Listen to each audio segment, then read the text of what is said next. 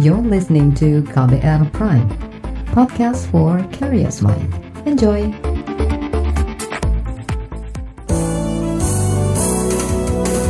Terbaru di Buletin Pagi.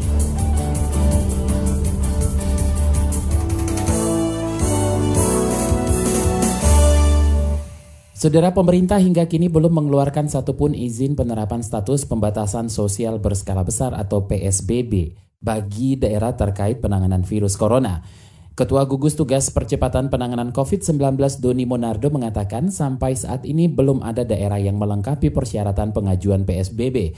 Padahal kesiapan daerah sangat penting sebelum penerapan PSBB para daerah yang telah mengajukan usulan untuk mendapatkan izin pembatasan sosial berskala besar ini melengkapi dengan rencana aksinya dan juga membuat rencana tentang kesiapannya sehingga diharapkan ketika daerah sudah memulai program ini bahwa semuanya bisa berjalan dengan baik.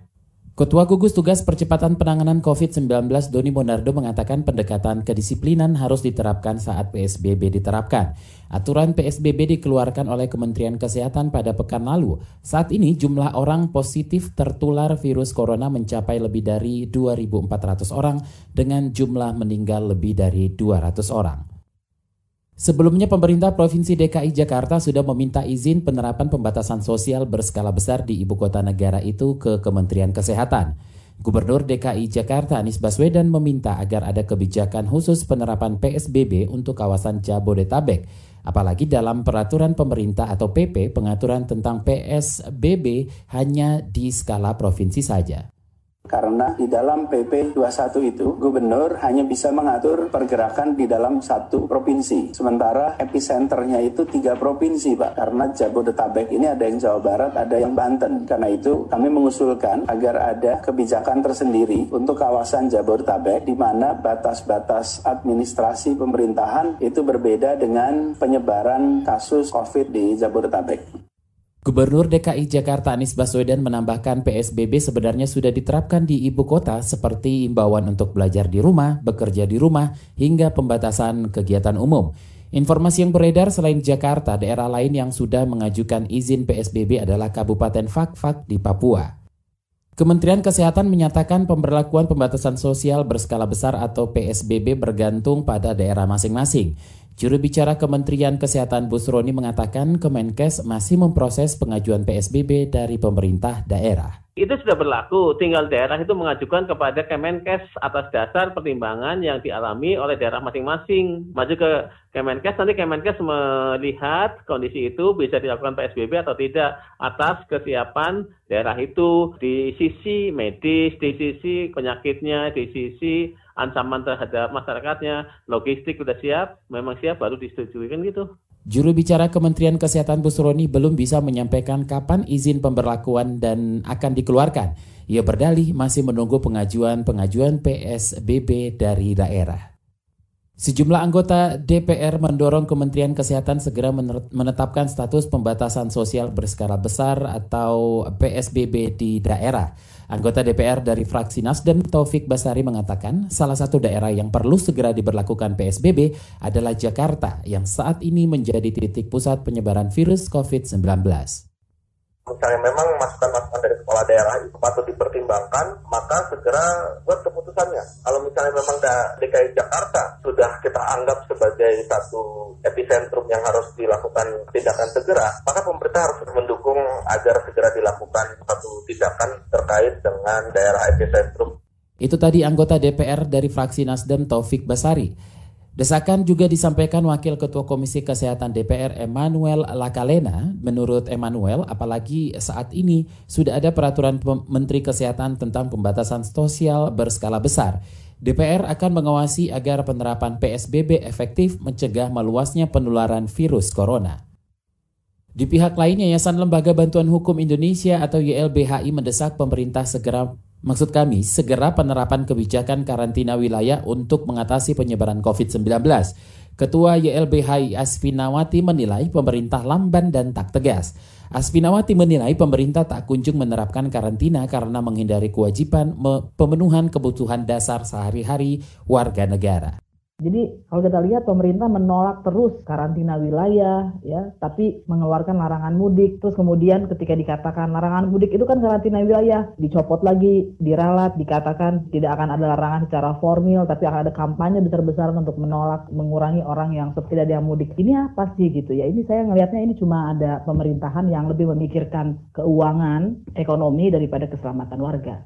Ketua YLBHI Asfinawati juga mengkritik sikap kepolisian yang bertindak sewenang-wenang meski belum ada penerapan pembatasan sosial berskala besar atau PSBB atau karantina wilayah.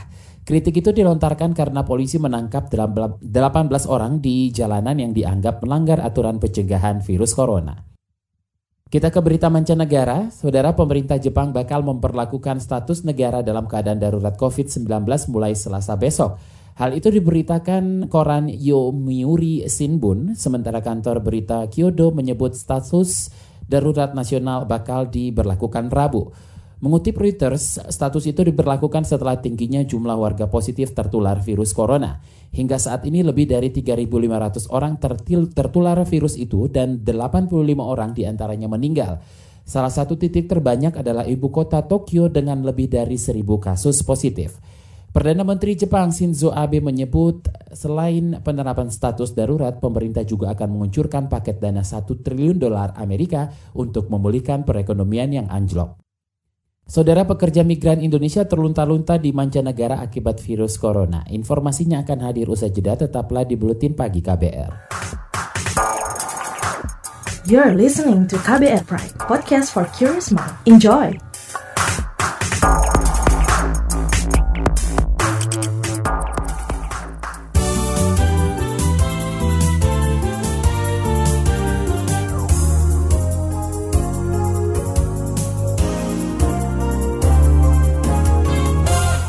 Anda masih mendengarkan buletin pagi saatnya kita simak laporan khas KBR.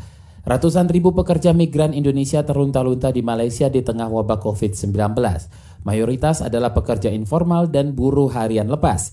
Kebijakan karantina wilayah pemerintah setempat membuat mereka kehilangan penghasilan, tetapi tidak bisa pulang ke tanah air. Sementara bantuan yang dijanjikan pemerintah Indonesia tak kunjung datang. Simak laporan yang disusun tim KBR dibacakan Reski Mesanto uh, permintaan kan banyak banget. Jadi saya terpaksa harus selektif yang mana betul-betul membutuhkan. Saya hubungi teman-teman. Sumarno, pekerja migran asal Indonesia di Selangor, Malaysia saban hari dilanda dilema. Telepon genggamnya tak pernah sepi dari panggilan dan pesan singkat berisi permintaan sembako dari puluhan pekerja migran lain. Sumarno hanya bisa menuruti satu atau dua permintaan saja lantaran minimnya stok. Tadi saya baru belikan barang, saya kasihkan ke orang kan gitu, orang yang tidak mampu. Itu ketika dia balik dan kawannya lihat, dia akan tanya, kok bisa dapat bantuan dari mana, begini begini. Akhirnya semua saya pun nggak kerja gini gini. Akhirnya kotak saya penuh. Jadi orang nelpon saya, orang SMS saya, WhatsApp saya, Pak minta tolong, Pak minta tolong. Sedangkan kami pun cuma bisa membantu semampu kami begitu, karena istilahnya negara tidak memfasilitasi kan gitu. Sumarno sendiri ikut terdampak kebijakan karantina wilayah pemerintah Malaysia yang ditetapkan sejak 18 Maret lalu. Buruh harian lepas ini tak lagi punya penghasilan karena banyak kegiatan di stop. Sementara, pulang ke tanah air juga bukan opsi yang bijak lantaran hampir seluruh akses perlintasan ditutup. Beruntung, Sumarno masih memiliki sedikit tabungan untuk bertahan hidup. Ia kemudian berinisiatif menggalang bantuan untuk disalurkan ke kawan-kawan lain yang terdampak tidak dapat penghasilan tiap hari dan susahnya itu karena pergerakan dikawal nggak bisa ke mana-mana. Jadi tidak ada persiapan sama sekali. Tanggal 17 itu saya pun masih kerja, yang lain pun masih kerja. Tiba-tiba malamnya itu diinstruksikan untuk tanggal 18 tetap tidak boleh ke mana-mana. Jadi tidak ada persiapan langsung. Sumarno menagih bantuan yang dijanjikan pemerintah Indonesia. Sampai sekarang tak satu pun bantuan mampir ke Selangor. Kini, mereka mengandalkan sumbangan swadaya dan saling bantu antar pekerja migran demi bertahan hidup. Yang kan kami yang menyalurkan bantuan aja kita nggak tahu. Dari KBRI itu ada atau tidak, kita pun belum tahu. Kita cuma sebatas ini dari pengusaha Indonesia yang di sini, yang komunitas kami ada satu namanya KNPI, itu dapat sumbangan dari Menteri Persekutuan ini seribu paket beras, lima ton beras. Akhirnya kita dapat bantuan uang, kita belikan untuk yang lain, misalkan telur, minyak, mie, apa semua kita paketkan dengan beras tersebut kita bagikan ke uh, masing-masing uh, siapa yang membutuhkan begitu. Itu pun hmm. tidak mencukupi untuk sekarang ini. Kondisi memprihatinkan juga dialami pekerja migran Indonesia di Kuala Lumpur. Sebagian terancam kelaparan lantaran tidak terdaftar di Kedutaan Besar Republik Indonesia atau KBRI di Malaysia. Hal itu diungkapkan Maria Ima, salah seorang buruh migran yang bekerja sebagai asisten rumah tangga di sana. Ya, kalau saya untuk saya makan minum ya ditanggung bos, jadi bersyukurlah. Khawatirnya teman-teman yang kayak kerja part time, macam kerja per hari itu, mereka tidak bisa keluar, takutnya mereka kelaparan atau susah kebutuhan. Takutnya nanti sebentar habis virus ini mereka tidak pasti ada yang kehilangan kerja juga. Menurut Maria, banyak rekannya asal Nusa Tenggara Timur yang kesulitan mengakses KBRI karena lokasinya cukup jauh. Di samping itu mereka dilarang keluar rumah sejak kebijakan karantina wilayah diberlakukan. Sementara itu, pemerintah Indonesia mengklaim terus menggelontorkan bantuan untuk pekerja migran yang tertahan di negeri jiran. Prioritas utama penerima bantuan adalah kelompok rentan, yakni pekerja informal dan buruh harian lepas. Tercatat baru sekitar 4.000 paket yang didistribusikan. Juru bicara Kementerian Luar Negeri Teuku Faiza Syah beralasan ada sejumlah kendala dalam proses pengirimannya. Saat sekarang tidak mudah uh, melakukan distribusi sembako katakanlah. Dengan demikian perlu kerjasama yang erat dengan aparat kepolisian setempat. Dengan demikian bisa penyaluran dapat berjalan dengan baik. Demikian juga halnya dalam rangka mengumpulkan bahan-bahan pokok tersebut, eh, kita menghindari kesan adanya penumpukan karena kita bisa memaklumi dalam kondisi sekarang banyak terjadi penumpukan atau eh, pembelian barang-barang yang sebenarnya ada rasionya sehingga tidak terjadi rush. Anggaran penyediaan bantuan tersebut untuk sementara diambil dari dana perlindungan WNI di Kementerian Luar Negeri. Adapun jumlah real pekerja migran yang berada di Malaysia belum diketahui secara pasti. Ini lantaran banyak pekerja yang masuk ke sana secara ilegal. Pelaksana tugas Kepala Badan Perlindungan Pekerja Migran Indonesia BP2MI Tatang Budi Utama Razak data resmi dari imigrasi akhir tahun lalu itu ada 740 ribu yang mendapatkan izin kerja. Tapi kita ketahui bahwa banyak juga pekerja migran Indonesia yang non prosedural di Malaysia itu jumlahnya juga cukup signifikan. Jadi kalau bicara yang non prosedural ya kita nggak pernah tahu ya persisnya berapa. Ada yang mengatakan satu juta, ada yang mengatakan dua juta, lebih lain sebagainya. Demikian laporan yang disusun tim KBR. Saya Reski Mesanto. Polisi tangkap tersangka penghina presiden. Informasinya usai jeda tetaplah di Buletin Pagi KBR. You're listening to KBR Pride, podcast for curious mind. Enjoy!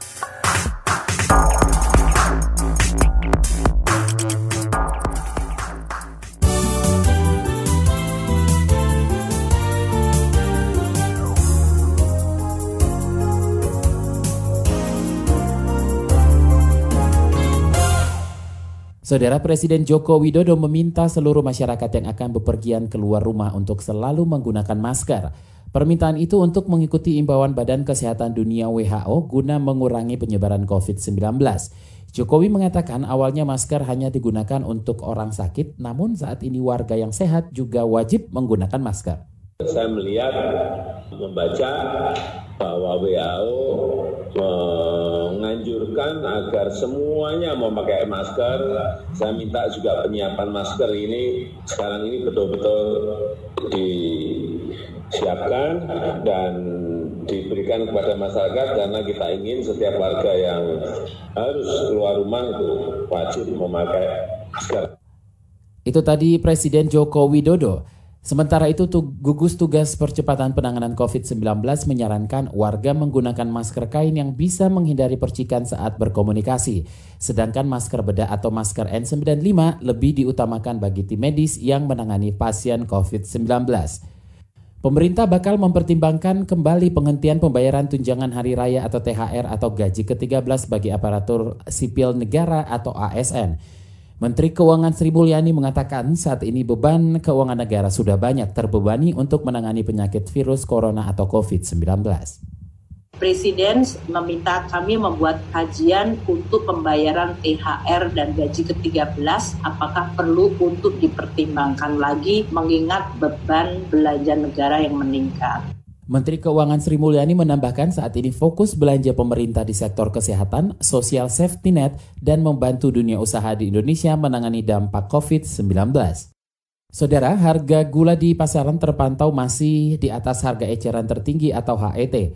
Direktur Operasional dan Pelayanan Publik Bulog Triwahyudi Saleh mengatakan, kondisi ini terjadi karena permintaan gula masih tinggi sementara stok mulai menipis. Di Jakarta misalnya harga gula pada Maret lalu menembus Rp18.000 per kilogram, sementara di Lampung yang merupakan sentra tebu harga gula mencapai Rp19.000 per kilogram. Nah, kondisi saat ini memang harga mulai turun ya, mulai turun sekitar 16-17 ribu, tapi masih di atas HET. HET kita kan 12 setengah, yeah. makanya Bulog saat ini menjual antara 12 sampai dengan 12 ribu di tingkat konsumen. Direktur Operasional dan Pelayanan Publik Bulog Triwahyudi Saleh menambahkan Bulog masih menunggu realisasi impor gula dari pemerintah. Awal Januari lalu, Bulog sempat mengusulkan impor gula sebanyak 200 ribu ton. Namun pemerintah hanya menyetujui sekitar 50 ribu ton yang hingga saat ini masih belum terrealisasi. Beralih ke informasi lain, Kapolri Idam Aziz mengeluarkan telegram berisi ancaman penindakan bagi orang yang menghina presiden atau pemerintah terkait wabah virus corona. Kapolri juga mengancam menindak tegas penyebar informasi palsu atau hoax terkait kebijakan pemerintah melawan COVID-19. Namun, telegram itu menuai kritik masyarakat sipil. Pengakum pidana Farizal Afandi mengatakan kritik warga negara penting untuk mengawal kelemahan pemerintah dalam menangani pandemi virus corona ini di masa wabah seperti ini, keterlibatan masyarakat itu harus tetap ada, bahwa ada kritik, kemudian keluhan itu harus dipahami sebagai bagian dari partisipasi publik untuk ikut memikirkan solusi dan ikut berpartisipasi untuk melihat kelemahan-kelemahan yang dilakukan oleh pemerintah. Pengamat hukum pidana Farizal Avandi mendesak Kapolri Idam Aziz mencabut telegram yang bertentangan dengan konsep negara hukum itu.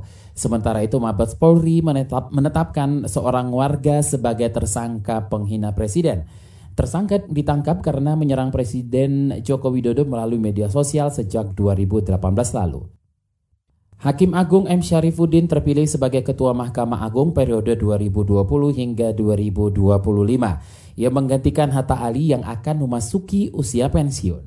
Ucapan terima kasih yang tiada terhingga pada rekan-rekan saya semuanya yang telah digerakkan hatinya oleh Tuhan yang Maha Kuasa oleh goresan tangannya telah memberikan kepercayaan kepada saya untuk menerima tongkat estafet kepemimpinan sebagai Ketua Mahkamah Agung Republik Indonesia ke-14. Itu tadi Ketua Mahkamah Agung terpilih M. Syarifuddin. Hakim Agung kelahiran Batu Raja berusia 66 tahun itu pernah mengambil keputusan kontroversial ketika mengurangi hukuman terpidana korupsi Angelina Sondak serta terpidana suap OC Kaligis pada 2015 dan 2017 lalu. Ia juga pernah membebaskan tiga terpidana korupsi bioremediasi Chevron di tingkat KPK. Kita beralih ke berita olahraga. Kompetisi sepak bola Liga Inggris dikabarkan akan kembali bergulir pada Juni 2019 setelah mendapat lampu hijau dari pemerintah. Liga Inggris diizinkan kembali bergulir di bawah pengawasan ketat dan dengan syarat kondisi wabah corona di negara tersebut membaik. Keinginan klub peserta melanjutkan kompetisi musim ini muncul setelah rapat darurat dengan pejabat senior Liga Jumat pekan lalu. Namun, jika pemulihan COVID-19 belum berkurang di Inggris, dalam enam minggu ke depan, kompetisi Premier League akan tetap ditunda. Informasi dari daerah akan kami sajikan usai jeda tetaplah di Buletin Pagi KBR. You're listening to KBR Pride, podcast for curious mind. Enjoy!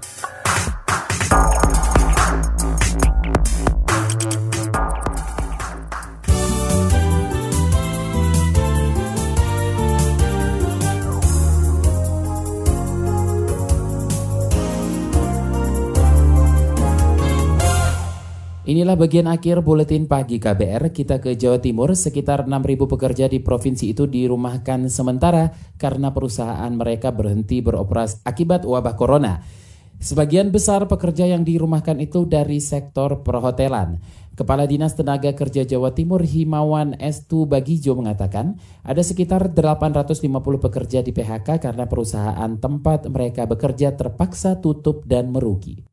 Kita sudah mendata kan kita data setiap hari. Nah, sampai tanggal 3 April yang sudah kita buat laporan ke pemerintah pusat untuk mendapatkan itu, yang ter-PHK itu 852, yang dirumahkan 6.111. Kepala Dinas Tenaga Kerja Provinsi Jawa Timur Himawan Estu Bagijo memperkirakan jumlah pekerja yang akan dirumahkan dan terkena PHK akan meningkat. Saudara pemerintah Provinsi Aceh belum dapat melakukan uji laboratorium virus corona penyebab COVID-19. Padahal Kementerian Kesehatan sudah memberi izin pemeriksaan virus corona kepada Balai Laboratorium Kesehatan di Dinas Kesehatan Aceh. Juru bicara gugus tugas penanggulangan COVID-19 Aceh, Saifullah Abdul Ghani mengatakan, mereka masih membutuhkan pelatihan dari Kemenkes RI bagi tenaga ahli laboratorium. Nah, kami menunggu kehadiran tim dari Kemenkes untuk optimalisasi alatnya dan yang kedua latihan singkat kepada petugas untuk identifikasi virus dan eh, kendalanya sekarang ini juga bahan untuk pemeriksaan masih sedang dalam pesanan belum tiba. Juru bicara gugus tugas penanggulangan COVID-19 Aceh Saifullah Abdul Ghani juga meminta pemerintah pusat melengkapi beberapa peralatan pendukung yang masih kurang untuk kelancaran pemeriksaan virus. Sementara pusat pengujian di Laboratorium Infeksi dan Rumah Sakit Universitas Syah Kuala tinggal menunggu izin dari Kementerian Kesehatan. Politisi Partai Gerindra Ahmad Riza Patria terpilih menjadi Wakil Gubernur DKI Jakarta. Pemilihan dilakukan DPRD DKI Jakarta dalam rapat paripurna siang ini. Ahmad Riza Patria mengalahkan politikus PKS Nurman Syah Lubis Gubernur DKI Jakarta Anies Baswedan hadir dalam pemilihan itu. Ia berharap Ahmad Riza bisa segera bekerja mendampinginya. Ya, Alhamdulillah tadi kita sama-sama menyaksikan proses pemilihan penghitungan suara sudah selesai dan terpilih Bapak Ahmad Riza Papria. Saya ingin mengucapkan selamat dan insya Allah nanti kita bisa bekerja sama dengan baik dan saya berharap nanti proses berikutnya bisa tuntas supaya terus bisa mulai bekerja. Gubernur DKI Jakarta Anies Baswedan mengatakan sebelum dilantik sebagai wakil gubernur, nama Ahmad Riza Patria akan disampaikan kepada Presiden Joko Widodo melalui Menteri Dalam Negeri. Riza Patria bakal menggantikan Sandiaga Uno yang mundur dari kursi wakil gubernur karena ikut pemilu presiden 2019. Riza akan menjabat hingga 2022. Informasi tadi menutup jumpa kita di Buletin Pagi hari ini. Pantau juga informasi terbaru melalui kabar baru melalui website kami kbr.id, Twitter kami at berita KBR, serta podcast melalui kbrprime.id. Akhirnya saya Don Brady pamit. Salam.